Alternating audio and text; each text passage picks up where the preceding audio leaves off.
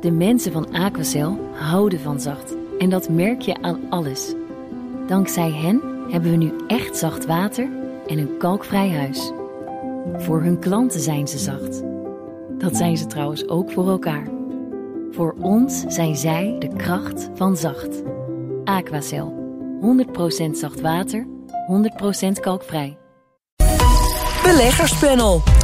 Zij, uh, cijfers worden er gepresenteerd door bedrijven over het derde kwartaal. En volgens de directeur van de Europese Bankenautoriteit staat, staan veel Europese banken er steviger voor dan ooit. Dat en meer bespreek ik in het beleggerspanel met Miri Pietersbloem, Head of Investment Office bij Rabobank en bijzonder hoogleraar financiële markten aan de Erasmus School of Economics. En Simon van Veen, fondsmanager van het Sustainable Dividend Value Fund. Dames en heren, welkom. Ja, hi. Ah, het doet me weer een genoegen. Dit is het enige panel waar de grafieken en de paparazzen allemaal uitgebreid worden uitgepakt en op tafel liggen. Dus ik verwacht er veel van. Om te beginnen met jullie laatste transactie. Simon, wat kun je daarover zeggen? Ja, nou, de laatste transactie bij ons is een, uh, een verkoop. Ja, eigenlijk is er niet zo heel veel verkocht. Maar wij hadden het aandeel John Lang in portefeuille. Een Britse ontwikkelaar van allerlei infrastructuurprojecten. En uh, die zijn opgekocht door uh, private equity. KKR heeft een bod gedaan, de meerderheid van de aandeelhouders heeft geaccepteerd. En zoals het dan gaat in de UK, dan zijn op een gegeven moment van een op de andere dag die aandelen verdwenen uit je portefeuille. je hebt ehm, niet eens echt afscheid kunnen nemen. Nou ja, zo voelt dat een beetje. En, en dus aan de ene kant is het hartstikke mooi. Hè. Had je het er graag ingehouden, ja? De koers was 30% hoger uh, wat ze boden dan wat er op dat moment op de beurs stond. Dus dat is een mooie meevaller. Um, maar ja, wij zitten in dat soort bedrijven voor de lange termijn. En wij hopen ieder jaar een combinatie van dividend en koerswinst te ontvangen. En, en het idee was om dat nog vele jaren te doen bij dit bedrijf. Uh, maar goed, dat, is, dat mag dus niet zo zijn. Vet accompli. Precies. Daar doe je weinig aan. Daar doe je weinig aan. En uh, ja, we gaan gewoon weer op zoek naar iets anders. Miri, wat hebben jullie gedaan? Jullie hebben volgens mij eens goed gekeken naar de aandelenportefeuille. Ja, dat hebben we, inderdaad gedaan. En we hebben best wel een uh, majeure stap gedaan. Uh, want na bijna een jaar maximaal uh, overwogen te zijn geweest in, in aandelen... Hè, dus mega positief op aandelen... nemen we nu wat winst, zijn wat minder uitbundig geworden... en we brengen de overweging in aandelen licht terug. Dus we handhaven wel een, een overweging, maar minder dan daarvoor. En de vrijgekomen middelen beleggen we in wereldwijde bedrijfsobligaties. En wat zegt dit over jullie uh, vertrouwen in de toekomst? Nou, dat zegt uh, over ons vertrouwen in de toekomst dat we groei wat zien afzwakken. Uh, vanaf begin, nou ja, begin volgend jaar. En dat we ook de, de impulsen hè, die komen vanuit het monetaire beleid, de bestedingsimpulsen van overheden, dat, dat wordt ook minder. Uh, dus wij vonden het wel opportun om nu dan uh, wat, uh, wat risico van tafel te Maar je bent nog altijd overwogen op aandelen, begrijp ja, ik? Wel, ja, we houden wel een lichte voorkeur voor aandelen, ja.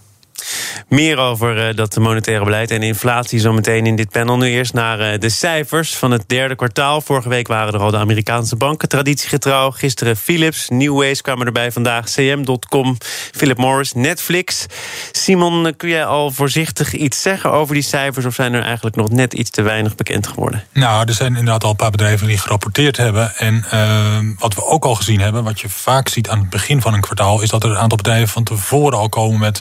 Nou ja, als het een negatief verhaal is, een winstwaarschuwing. Of als het een stuk beter is gegaan dan iedereen verwacht had, een ja, positieve winstbijstelling. Uh, en daar hebben we er verschillende van gehad. Um, dus, dus uh, per saldo uh, denk ik dat we gewoon hele mooie kwartaalcijfers gaan zien. Um, het is gewoon een goed derde kwartaal geweest in vergelijking met het derde kwartaal vorig jaar. Wat natuurlijk voor veel bedrijven een moeilijk derde kwartaal was. Um, dus we, hebben, ja, we zien veel bedrijven met, met positieve uh, winstgroei. En uh, dat zijn mooie vooruitzichten. Maar ergens aan het einde van het derde kwartaal melden zich natuurlijk uh, een aantal problemen. Als het gaat over grondstoffen, energieprijzen. Zie je dat al terug in die cijfers of uh, in de toelichting op die cijfers van bedrijven Meri? Is, is dat dan ook een verklaring voor eventueel tegenvallende cijfers? Ja, nou ja, wat, je, wat nu natuurlijk wordt gerapporteerd zijn uh, cijfers voor het derde kwartaal. daar zijn de verwachtingen hoog van. En die worden dan nog weer eens overtroffen. Hè, om je een beeld te geven in, in de Verenigde Staten heeft ruim 10% van de bedrijven nu gerapporteerd. Maar toch nog weer 83% boven de verwachtingen. Uh, dus dat, dat is echt gewoon heel goed. Eventjes de rituele vraag. Wat zegt het over de verwachtingen? ja, de, nou, de verwachtingen zijn, zijn, zijn hoog, maar die worden dus overstegen. Ja, ja. Dus dat is, maar die, dat zijn is dus niet, die zijn dus niet bewust voorzichtig geformuleerd... om dan vervolgens te kunnen zeggen... kijk eens, ruim boven verwachting. Nee, dat, dat gebeurt ook nog wel eens, maar dit keer, uh, dit keer niet. En, uh, en in Europa is het zelfs nog ietsje gunstiger. Omdat het herstel daar eigenlijk later is begonnen. Uh, en, en de resultaten liggen qua winst uh, de 35% boven de boven verwachtingen. Dus ook, ook in Europa gewoon goed. Uh, kijk, en, maar goed, ik zeg wel, he, kijken naar Q3. Derde kwartaal, is kijken door je achteruitkijkspiegel en niet vooruit. Dus maar ik, ik, hoor toch ook al wat langer bedrijven mopperen, of nou ja, realiteitszin tonen op het gebied van die grondstoffen en de vraag of ze stijgingen die je ziet daar de afgelopen maanden kunt doorrekenen. Was dat in het derde kwartaal niet al een beetje aan de orde? Dat, ja, maar dus, blijkt dus minder in de cijfers te zijn gelopen dan dat je, dan dat je nu uh, ziet uh, realiseren. Uh, wat, wat wel heel interessant is, eigenlijk vind ik nog zelf nog wel interessanter, is de, de, de, het commentaar wat ze mee gaan geven, de verwachtingen die ze uitspreken voor Q4. wat zie je daar dan in? Of nou, is dat nog een kwestie van afwachten? Dat is nog een kwestie van afwachten, want te, te weinig bedrijven hebben zich hier nog op geuit. Hoe kijk jij naar die uh, grondstoffen- en energieproblematiek? Nou, dat is uh, voor sommige bedrijven inderdaad een probleem. Op het moment dat je niet in staat bent om je prijzen uh, snel en adequaat te verhogen, dan, dan zorgen de hogere kosten voor, voor energie en de hogere materiaalkosten voor een, een, een ja, een lagere marge. Um, en dat is dus een daling van de winst. Dus het is als belegger belangrijk inderdaad om te, om te zorgen dat je bedrijven in portefeuille hebt die, ja, die wel in staat zijn om vrij snel hun prijzen te verhogen. noem eens een voorbeeld van bedrijven in branches nou ja, waar dat ik, lukt. Ik, vind supermarkten altijd wel een aardig uh, voorbeeld. Kijk, bedoel, op het moment dat... Ja, de boodschappen worden gewoon duurder, bedoel De boodschappen worden gewoon duurder en wij betalen het allemaal uh, klakloos aan de kassa... en we gaan ermee akkoord. En uh, je kan ook niet anders, dus dat is, dat is heel simpel. en die supermarkten hebben soms wel langlopende contracten... met hun leveranciers tegen een vaste prijs. En die worden wel ieder jaar herzien. Ja, maar dat duurt dus aan de leveranciers van Albert Heijn. Nou ja, die, dat, dat duurt dus gewoon een tijdje... voordat die leveranciers ook de hogere... Um, prijzen voor hun producten krijgen. En in de tussentijd lopen de marges van de supermarkten. Maar ik heb, ik heb eh, de afgelopen maanden een paar keer gesproken met de topman van Axel Nobel. Die zag erbij wel hangen. Eh, als het gaat over het doorrekenen van hogere grondstofprijzen en of dat allemaal wel lukt. Ja, dat, dat lukt niet altijd. Nee. Dat klopt. Laten we even kijken naar eh, een van uh, Nederlands grootste bedrijven. Philips presenteerde gisteren de cijfers. Omzet is met 7,6% gedaald ten opzichte van vorig jaar. Vooral vanwege de problemen rond dat slaapapneuapparaat. Die maskers die moesten worden teruggeroepen. Ja, hoe lang kan dat nog eh, een blok aan je been zijn, Mary? Nou ja, uh, uh, potentieel best wel lang natuurlijk. Omdat je niet weet, en dat, uh, dat, dat spreekt het hoofd van het bedrijf ook uit... welke rechtszaken hier nog mogelijk uit gaan komen. Uh, dat is natuurlijk het, het, hele grote onzekerheid. Ja, die honderden nog, uh, potentiële rechtszaken wordt nu uh, opgesproken. Ja, dat, dat, dat, zou kunnen. en, en, en dan moet je gaan kijken van hoeveel provisie wil het bedrijf daarvoor opzij gaan zetten. En hoe drukt dat op de balans en op de toekomstige investeringen. En dat, dat kan gewoon best wel nog een lang verhaal Ik dacht dat ik iets had gelezen van een stroppenpot van 500 miljoen euro. Ja. Alvast gereserveerd. Maar ja. het is dus nu niet zozeer een medisch, maar vooral een juridisch probleem geworden. Ja, van een medisch probleem naar een juridisch probleem. Dus dat, uh, dat is gewoon uitermate vervelend voor Philips. Kun je zeggen dat uh, Philips daar ook wel inmiddels, als je kijkt naar de ontwikkeling van het aandeel, voldoende voor gestraft is? Ik geloof dat er uh, een kwart ja, af is. Exact, er is een kwart van de waarde af. Dus, dus uh, voor het medisch probleem zijn ze zeker voldoende gestraft. Maar ja, voor juridisch, dat blijft een vraagteken. Dat zeggen ze zelf ook. Kunnen ze niet inschatten hoeveel impact dat zal hebben. die, die 500 miljoen die jij noemt, die is ja, puur om die apparaten, defecte apparaten te vervangen. En uh, daarnaast heb je toen een tijdje dat ja, als die fabriek uh, stil ligt, of in ieder geval bezig is met, met, met, met apparaten vervangen, dat er geen nieuwe verkocht worden. Zeg maar. dus dat. En wat betekent het nou voor je concurrentiestrijd? Met Siemens wordt veel genoemd. En dan blijf je zelf als Philips in zwaar weer zitten. Moet je geld reserveren voor het oplossen van problemen en niet voor het investeren in de toekomst. Ben je ook nog altijd bezig om je bedrijf zo vorm te geven dat je denkt dat het echt ideaal is? Hè? Frans van Houten zei erover dat het met de desinvesteringen wel zo ongeveer gedaan is. Dat dit de vorm van Philips is. Maar ja, er zijn dus nog wat uh, lijken in slash uit de kast. Ja, nou, ik denk niet dat het uh, invloed heeft dit op het investeren zeg maar, in, in nieuwe producten. En ook niet op de concurrentie met uh, Siemens en GE. Als het gaat om, om het inrichten van ziekenhuizen en de grote projecten waar ze mee bezig zijn. Uh, Die zijn er, hè? er zijn langlopende contracten afgesloten, zei Frans dat, van nou, het woordenboek ziet er goed uit. Ja, dat is het model waar ze naartoe willen. Langlopende contracten met ziekenhuizen om de complete apparatuur uh, in één keer te kunnen leveren. En daar concurreren ze inderdaad met die andere partijen mee. Uh, dat gaat gewoon door. Maar zo'n tegenvaller als dit heeft, ja, heeft een, een, zeer grote impact op de koers. Meri, zijn er nog uh, branches of bedrijven die jij in het bijzonder in de gaten gaat houden de komende weken? chipstekorten bijvoorbeeld? Of uh, streamingdiensten, ik verzin maar iets. Ja, uh, nou absoluut. Ik denk dat het uh, ook heel, heel, spannend gaat worden met die energieprijzen. Hoe lang dat nog uh, gaat aanhouden, dat heeft ook wel op, op, op heel veel bedrijven, maar ook op de macro-economie zijn, zijn weerslag. en dan natuurlijk, ja, het andere verhaal is die, die um, storingen in de, in de aanleverketen. en daar hebben sommige bedrijven ook ontzettend veel last van. We gaan naar iets waar beleggers wellicht ook last van hebben, namelijk inflatie. BNR Nieuwsradio. Zaken doen. Thomas van Zeil. De gast is het eh, beleggerspanel Mary Pietersbloem en Simon van Venen. En ik wil het met jullie inderdaad gaan hebben over inflatie. Of kennelijk zo gevreesd dat mensen ook wel spreken over het I-woord. Want er zijn steeds meer signalen dat die inflatie helemaal niet zo tijdelijk is als eerder werd voorspeld. DNB-president Klaas Knot liet vorige week uh, weten dat hij nog wel ervan uitgaat dat het tijdelijk kan zijn. Maar dat er ook serieus rekening moet worden gehouden met structureel hogere inflatie. Mary, moeilijk. Want Klaas Knot heeft ook eerlijk toegegeven dat ook hij niet precies weet hoe dat inflatieproces nou in elkaar steekt. Er is meer dat we niet dan wel weten. Nou, jij weet er vast veel van. Wat denk jij? Hoe structureel dan wel tijdelijk is die inflatie? Ja, het is toch heel erg lastig uh, voorspellen. Hè? Het is echt wel heel erg koffiedik kijken. Want we zitten nog midden in een aanpassing uh, van de hele economie post-corona. Je hebt allerlei effecten die hier nog uh, doorheen lopen. Dus je hebt te maken met een herstelvraag van consumenten. Je hebt te maken met hogere energieprijzen, net al even genoemd.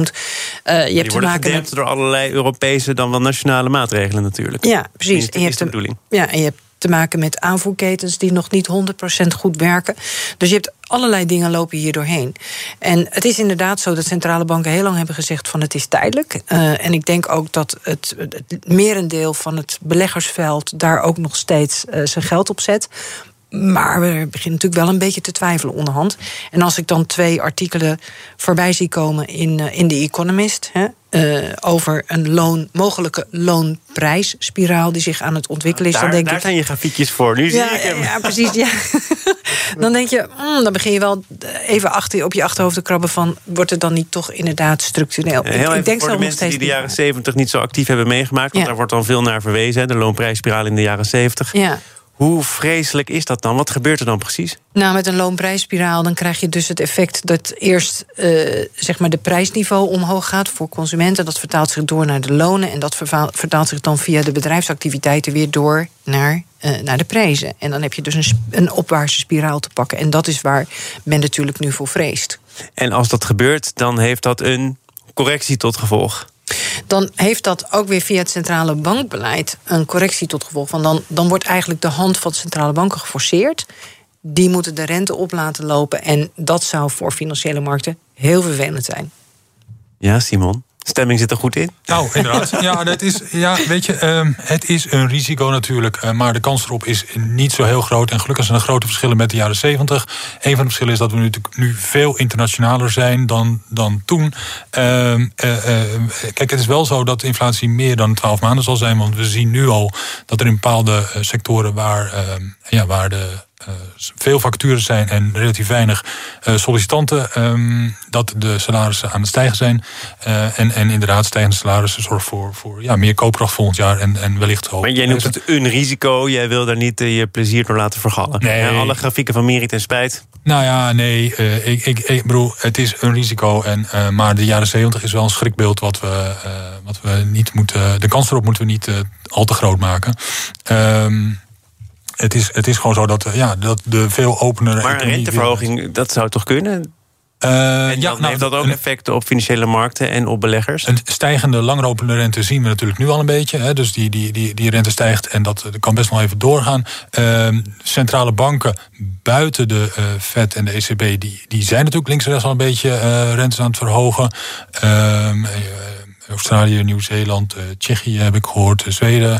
Uh, dat soort, dat soort maar landen. Als de FED en de ECB niet echt nou in ja, beweging komen. De FED hinten daar natuurlijk wel op. Alleen dat, dat duurt dan nog eventjes. Op zijn vroegst eind volgend jaar en waarschijnlijk 2023 pas. ECB zal waarschijnlijk nog wat langer duren. Die hebben natuurlijk ja, die hebben een, een, een Zuid-Europese economie mee te torsen. Die, die, die nog helemaal niet zo goed draait. Dus dat, is, dat zal best nog wel wat langer duren. En, en ja, sommige landen zouden er ook niet zo heel goed tegen kunnen als de rente voor ze omhoog En daar moet de ECB natuurlijk ook, of ja, moet, willen ze in ieder geval ook rekening mee houden. Laten we eh, wat dieper eh, op eh, banken ingaan. Want de directeur van de Europese Bankenautoriteit, de EBA, François-Louis Michaud, is in een interview met het FD erg positief over het Europese bankensysteem op dit moment. De coronacrisis heeft, wat hem betreft, uitgewezen dat die een schok goed kunnen verdragen, Mary. En dat is natuurlijk wel eens anders. Er is van alles ook veranderd aan de regelgeving. Basel 4 zitten we inmiddels ja. dacht ik, om alle eisen, kapitaaleisen van banken goed vast te leggen. Ehm, denk je inderdaad dat mocht er een schok zijn, dat er dan eh, geen grote bank zal omvallen? Nou, dat heeft de coronacrisis natuurlijk ook wel voor een groot deel bewezen. Hè? Dus uh, terwijl banken nog het middelpunt waren van de crisis in uh, 2008, uh, zijn ze tijdens de coronacrisis meer onderdeel geweest van de oplossing dan van het probleem. Ook omdat de overheid een andere rol op zich nam, toch? Ja, uiteraard. Eh, maar ook omdat banken zeg maar, in hun fundament er beter voor stonden. Dus en die dat waren is het ook bij Machtel. van Basel bijvoorbeeld, die kapitaalratio's, ik noem maar wat. Ja, dat is het, het resultaat van jaren en jarenlang werk na de financiële crisis om banken uh, te verstevigen. Ja. Dus ze staan er uh, stevig bij. Ze vallen niet zomaar om. Maar Michaud zegt toch nog wel dat als het aan hem ligt, dat er een consolidatie op gang komt. Overigens is dat helemaal geen nieuwe boodschap. Maar er zijn te veel kleine slash middelgrote banken die niet voldoende specialisatie hebben. Die worstelen met de opgelopen kosten. Dus wat hem betreft een paar echt grote banken die het misschien ook wel Europees met elkaar eh, gaan uitmaken. Zie jij dat toekomstbeeld voor je? Nou ja, kijk, eh, het verschilt natuurlijk heel erg van land tot land. In Nederland hebben we al een heel geconcentreerde bankenlandschap. In andere landen zoals Italië of Duitsland is dat nog lang niet het geval. Dus daar kan gewoon nog heel veel binnen het land geconsolideerd worden. Op Europese schaal ja, is het in het verleden natuurlijk wel geprobeerd. Maar eh, ik heb een ABN AMRO achtergrond en die probeerde ook in het... Jullie allebei, geloof ik? Ja, inderdaad. Ja, dat is, nou ja, goed, ABN AMRO heeft het verleden geprobeerd. Maar, maar ja, eh, eh, toen werkte ik bij de asset manager. Nou ja, wat was er toen ook weer misgegaan? Nou, van alles en nog wat. Maar probeer maar eens je beleggingsfonds te verkopen... in een Amerikaanse uh, retailbank of in de Braziliaanse dochter van de bank. Dat, is allemaal, allemaal uh, kansloos, omdat die, die, die regelgeving anders is en de, en, en de wetten anders zijn. En ja, zelfs simpele bankproducten zoals een hypotheek. Ehm, de Nederlandse hypotheekvoorwaarden zijn anders dan, dan die uh, over de grens.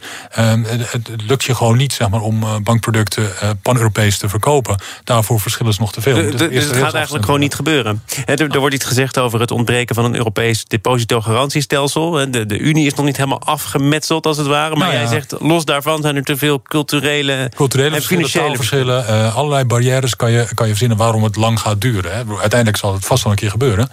Maar Mary, het, andere is natuurlijk ook wel waar... Hè, dat veel banken worstelen met hoge kosten. Nou, de verklaringen laten zich raden. Uh, ze moeten het opnemen tegen allerlei nieuwe spelers. Als ik hier wel eens durf te vragen aan leden van dit panel... nou, stappen jullie in een bank als belegging? Oh, oh, oh, die tijd is geweest. Hm? Uh, verandert dat als er een paar echt grote banken ontstaan? Uh, ja, die zie je natuurlijk in het Europese landschap wel al, uh, al hier en daar. Uh, maar ik, ik begrijp ook wel de roep om verdere consolidatie. Want dan kan je die efficiënties veel beter realiseren. En dan kun je ook hè, eigenlijk kun je opschalen. En dan kun je veel makkelijker al die regelgeving waar banken tegenwoordig aan moeten voldoen, de baas qua kosten. Dus die snap ik wel. maar de realiteit in Europa is inderdaad nog wel, nog wel een andere. Dus het gaat voorlopig toch niet gebeuren, denk jij? Ik denk moeizaam. Uh, en ik denk uh, grensoverschrijdend ook zeker heel moeizaam. Mijn, mijn FD-collega vroeg, en dat vond ik een goede vraag, daarom ga ik hem nu ook aan jullie stellen. Want als er dan echt die hele grote Europese banken ontstaan, zijn dat dan banken die ook weer too big, too veel zijn? En is dat dan weer een, zou je zeggen, risico dat je op jezelf uh, afroept? Ja, ik denk wel een risico. En daarom spreekt uh, de, het hoofd van EBA dus ook over middelgrote banken. Uh, dus die, wil, die staat absoluut niet voor dat er uh, hele grote reuzen worden gecreëerd, denk ik. Nee, geen reusachtige banken meer, Simon? Nou, dat, dat zou wel kunnen, maar dat is volgens mij niet het doel. Dat uh, voegt ook. Nog even afsluitend, hè, nu jullie allebei toch een ABN Amro-achtergrond blijken te hebben. Nog even heel kort aandacht voor een, een onderzoek van ABN Amro over onder andere de, de toekomst en de toegevoegde waarde van cryptovaluta. En eigenlijk in het verlengde daarvan ook uh, de hele technologie daarachter, de blockchain-technologie. Waarin zij zeggen: Nou, dat zou ook wel eens kunnen betekenen dat uh, intermediairs, daar kun je ook banken onder verstaan of andere betaalmaatschappijen, helemaal geen toekomst meer hebben. Die zullen verdwijnen. Simon, denk jij dat dat eraan zit te komen? Ehm, nou, ik denk zeker dat er een mooie toekomst is voor de blockchain-technologie. Um, of daarmee intermediairs allemaal heel snel zullen verdwijnen, is vers 2. Kijk, het, doet mij allemaal een beetje denken aan de eind jaren 90 internet-hype. Ieder bedrijf had zeg maar zijn uh, dotcom achter zijn naam zetten, verdubbelde in koers. En uh, dat, ja, dat, dat, dat uh, bleken niet altijd achteraf uh, goede beleggingen te zijn geweest. De echte bedrijven die profiteren van het hele internet, alles wat ermee te maken hebben, zijn de Googles en de Facebooks. En die zijn gewoon veel later pas nee, Maar misschien moeten we een onderscheid maken tussen de structuur, de infrastructuur enerzijds en anderzijds de beleggingen die ja, nou, dat, dat is het punt. Dat is het punt. De blockchain-technologie uh, uh, zal ongetwijfeld heel veel, voor heel veel goede dingen zorgen, maar of je daar mee, veel mee gaat verdienen als je nu in allerlei uh, coins stapt, dat is, een, ja, dat is waarschijnlijk een andere vraag. Allerlei coins en de minachting verlaat hier zijn mond. Mary, nee, hoor. ben jij er optimistischer over, positiever over? Nou ja, ik uh, uh, niet over het uh, beleggen in, in crypto-munten. want dat heeft wat mij betreft meer weg van speculatie dan, dan, dan beleggen. Ook als die worden gesteund door bijvoorbeeld de dollar. Hè? Je hebt stablecoins tegenwoordig. Ja, Waar, waar, waarvan je dan ook eerst maar even moet kijken hoe dat uh, intern allemaal uh, goed, is, uh, goed is geregeld. Laten we zeggen. Of die afdekking ook wel zo is als dat die wordt gegarandeerd. nee, ik denk wat hier naar voren komt in dat rapport gaat over de technologie. De technologie is interessant. en dat is waar ABN AMRO als bedrijf, dat ik begrijp wat, wat ik uit het rapport begrijp, mee wil experimenteren. Ik denk dat dat, dat zinvol is. En ze gaan er nog niet in beleggen inderdaad. Hè? Dat geven ze ook aan. Nee, en, maar wij zitten hier, weet je, vanuit een beleggingsoptiek. En helaas is het dan zo dat uh, de beleggingen die voorhanden zijn, is voornamelijk en bijna alleen nog maar in de cryptomunten. Uh, en dat, dat zou ik niet aanbevelen. Goed, een advies. Ter afsluiting van Miri Pieterse-Bloem, Head of Investment Office bij Rabobank, bijzonder hoogleraar financiële markten aan de Erasmus School of Economics. En Simon van Veen, fondsmanager van de Sustainable Dividend Value Fund. Dank voor jullie bijdrage aan dit panel. Zometeen dan gaat het over hogere accijnzen op speciaalbieren. De mensen van Aquacel houden van zacht. En dat merk je aan alles. Dankzij hen hebben we nu echt zacht water en een kalkvrij huis. Voor hun klanten zijn ze zacht. Dat zijn ze trouwens ook voor elkaar. Voor ons zijn zij de kracht van zacht. Aquacel. 100% zacht water, 100% kalkvrij.